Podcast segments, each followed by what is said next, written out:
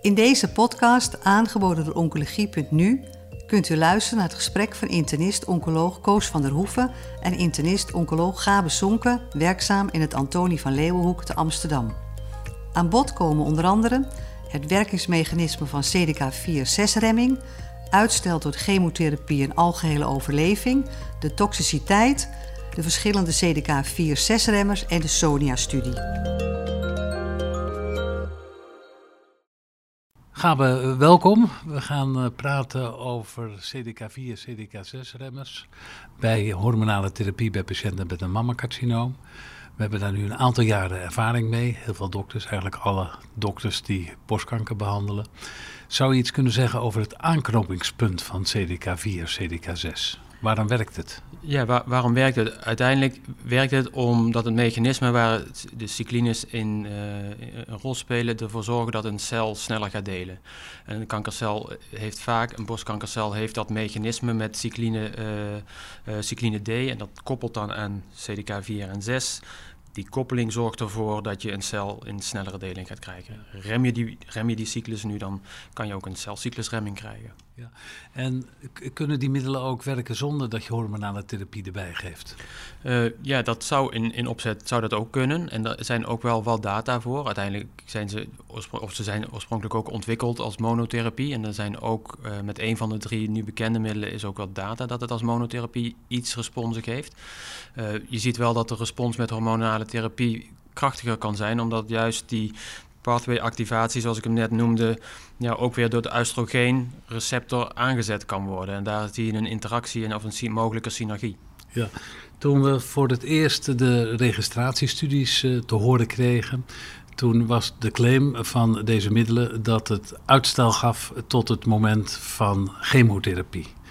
Uh, hoe is dat op dit moment? Is dat alleen dit of heeft het ook effect op de overall survival van de patiënt?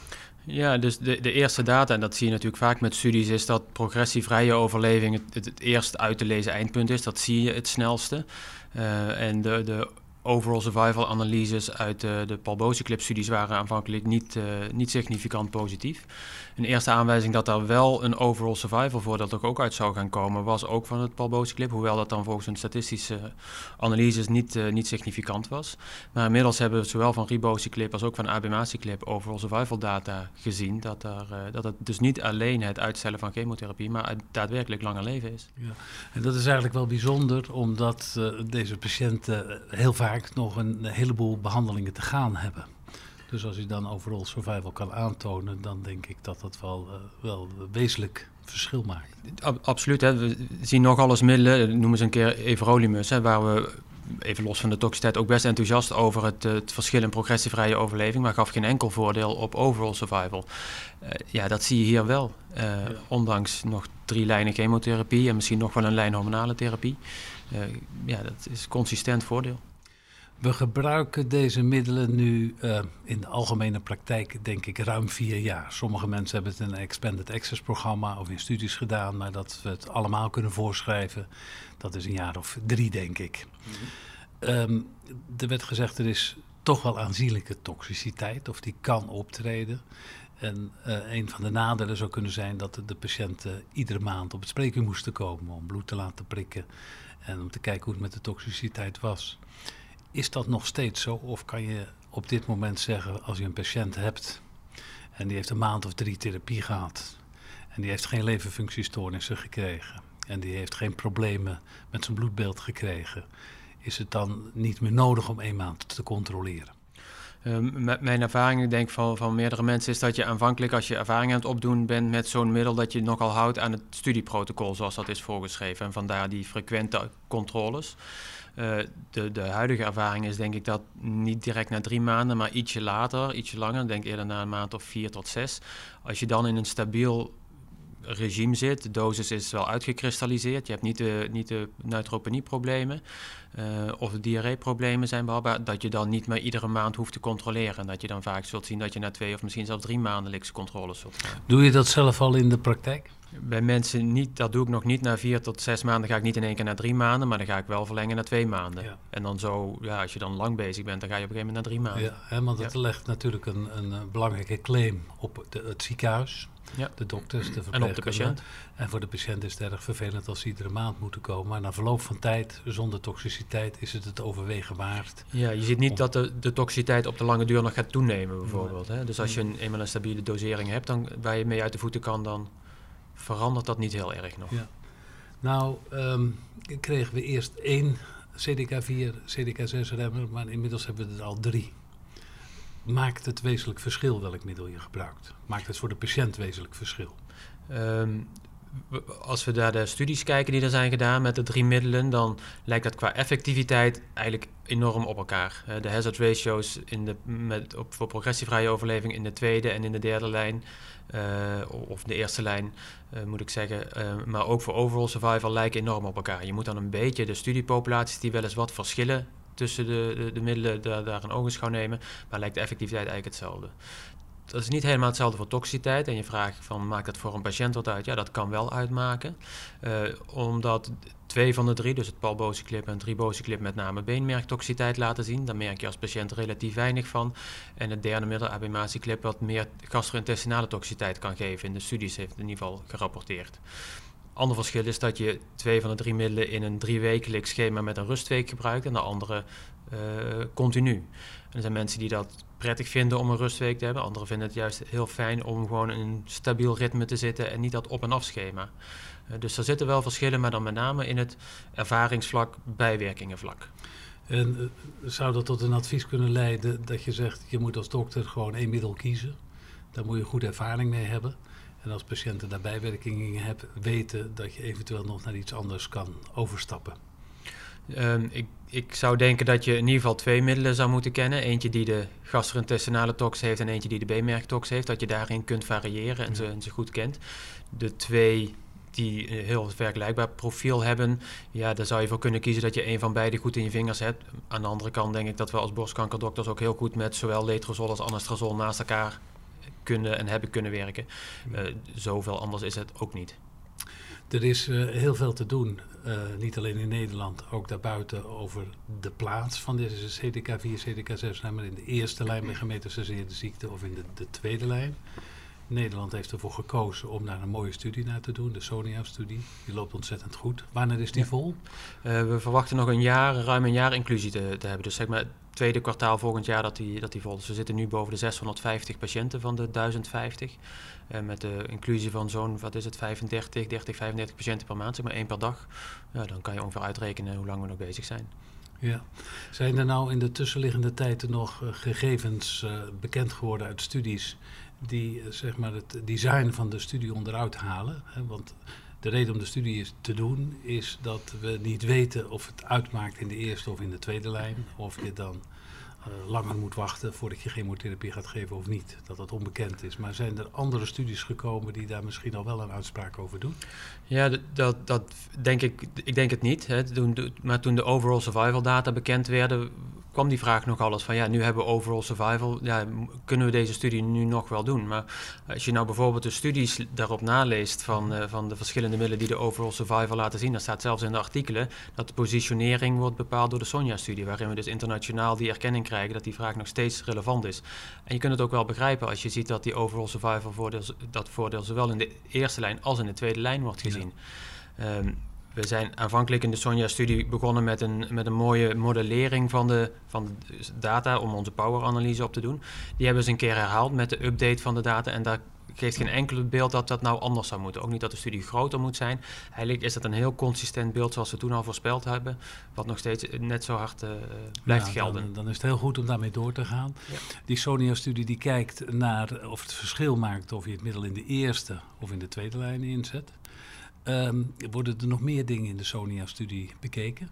Ja, dus dat is de primaire vraagstelling inderdaad, ja. zoals je noemt. Hè. We kijken dan naar overall survival en progressievrije overleving naar twee kuren. Maar ook heel belangrijk naar kwaliteit van leven door patiënten gerapporteerd, waar we mooi mee, mee samenwerken met de, de, de, experts op dat gebied. We hebben uh, translationeel onderzoek waarin we uh, liquid biopsies afnemen, waar we farmacokinetiek doen. Maar wat ook bijvoorbeeld een mooie studie is, is dus, uh, de Sonia-effect-studie, waar we kijken naar de effect op cognitie van zowel de hormonale therapie als de CDK4-6-remmers, wat in deze setting belangrijk is, maar wat ook een soort eerste data gaat geven voor hormonale therapie die je misschien wel kunt vertalen naar de adjuvante setting. Ja, interessant, want daar hebben we eigenlijk heel weinig gegevens over. Ontzettend er wordt wel weinig, veel over gesproken, maar we hebben er weinig harde gegevens Ja. over. En dat we dat in een gerandomiseerde studie ook kunnen, nu kunnen doen samen met Elske van der Wal en, en Sanne Schagen. Ja. denk prachtige ja, samenwerkingen. Heel mooi. Als mensen het in eerste of in tweede lijn gehad hebben met CDK4, CDK6 remmer, ehm, als je dan voortgaat, moet je dan de CDK4, CDK6 remmer eh, ook voortzetten. Mm. Bij, bij patiënten die een HER2-positieve tumor hebben, dan, dan kan je bij progressie kan je een ander cytostaticum kiezen. Maar dan wil je eigenlijk met HER2-blokkade doorgaan. Geldt dit hetzelfde voor CDK4, CDK6-remming? Eh, ik denk een, hele interessante en terechte vraag, waar we de data gewoon nog niet van hebben, die wel gaan komen, want er lopen studies waarin eh CDK4-6-remming beyond progression, zoals je dat dan noemt, bestudeerd wordt, eh, waarin zowel wordt geswitcht van hormonale therapie en mogelijk ook dat je van de ene CDK4-6-remmer naar de andere gaat. Ja. En dan zou het met name zijn als je van Ribo of Palbo naar Abema of vice versa gaat, omdat het daar het werkingsmechanisme toch ietsje anders zou kunnen zijn, dat je misschien nog wat effectiviteit zou kunnen zien. Maar met de data die we nu hebben, is daar geen, geen ondersteuning voor.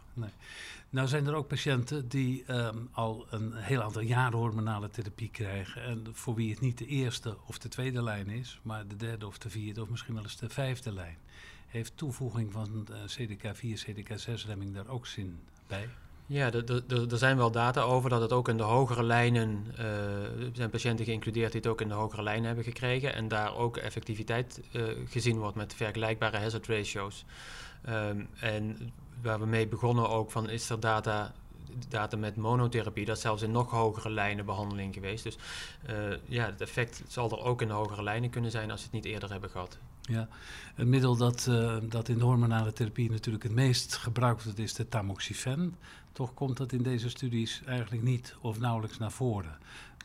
Wat is de rol van CDK4, CDK6-remming als je patiënten met tamoxifen zou willen behandelen? Ja, er is, er is wat data vanuit de Mona Lisa 7, met de premenopausale patiëntenpopulatie. En daarin, hoewel het een kleine groep is, lijkt er geen verschillend effect door de toevoeging te zijn. En, en mijn gedachte zou ook zijn dat je het, het onderdrukken van de oestrogeen, eh de oestrogene as laten we zeggen, of activiteit, dat dat belangrijk is. En of je dat dan met een, een eh, aromatase-remmer of met een oestrogeen-receptorblokker of een oestrogeen-degrader doet als vulverstrand, ik denk eigenlijk dat dat niet uitmaakt. Nee, eh, nee maar het heeft niet het registratielabel. Hè? Want de fulvestrant en de aromatase-remmers... die kunnen we wel in combinatie met CDK4, CDK6-remmer... voorschrijven met tamoxifen niet. Nee. Nee, klopt hè? Ja. Dat is juist. Ehm, we hebben een eh, aantal jaren, ik denk dat het inmiddels al bijna tien jaar geleden is, eh everolimus gekregen. Dat was eigenlijk weer een aanvulling op de bekende hormonale therapie.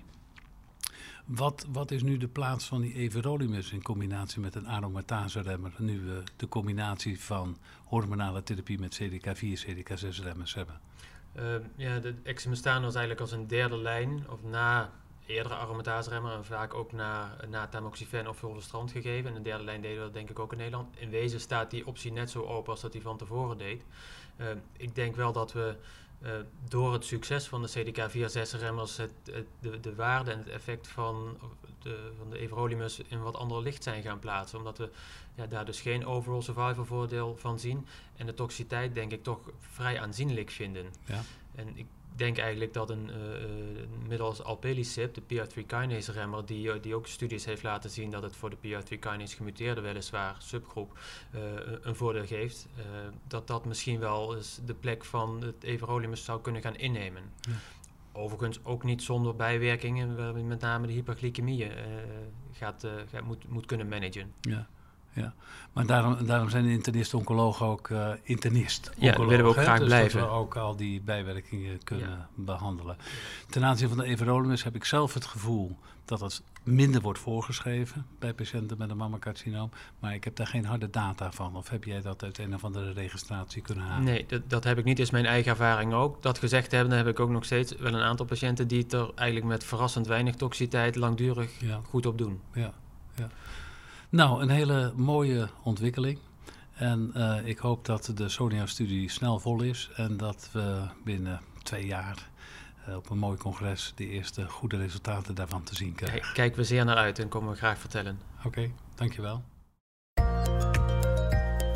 Bent u geïnteresseerd in meer podcasts? Deze zijn te vinden op de website oncologie.nu.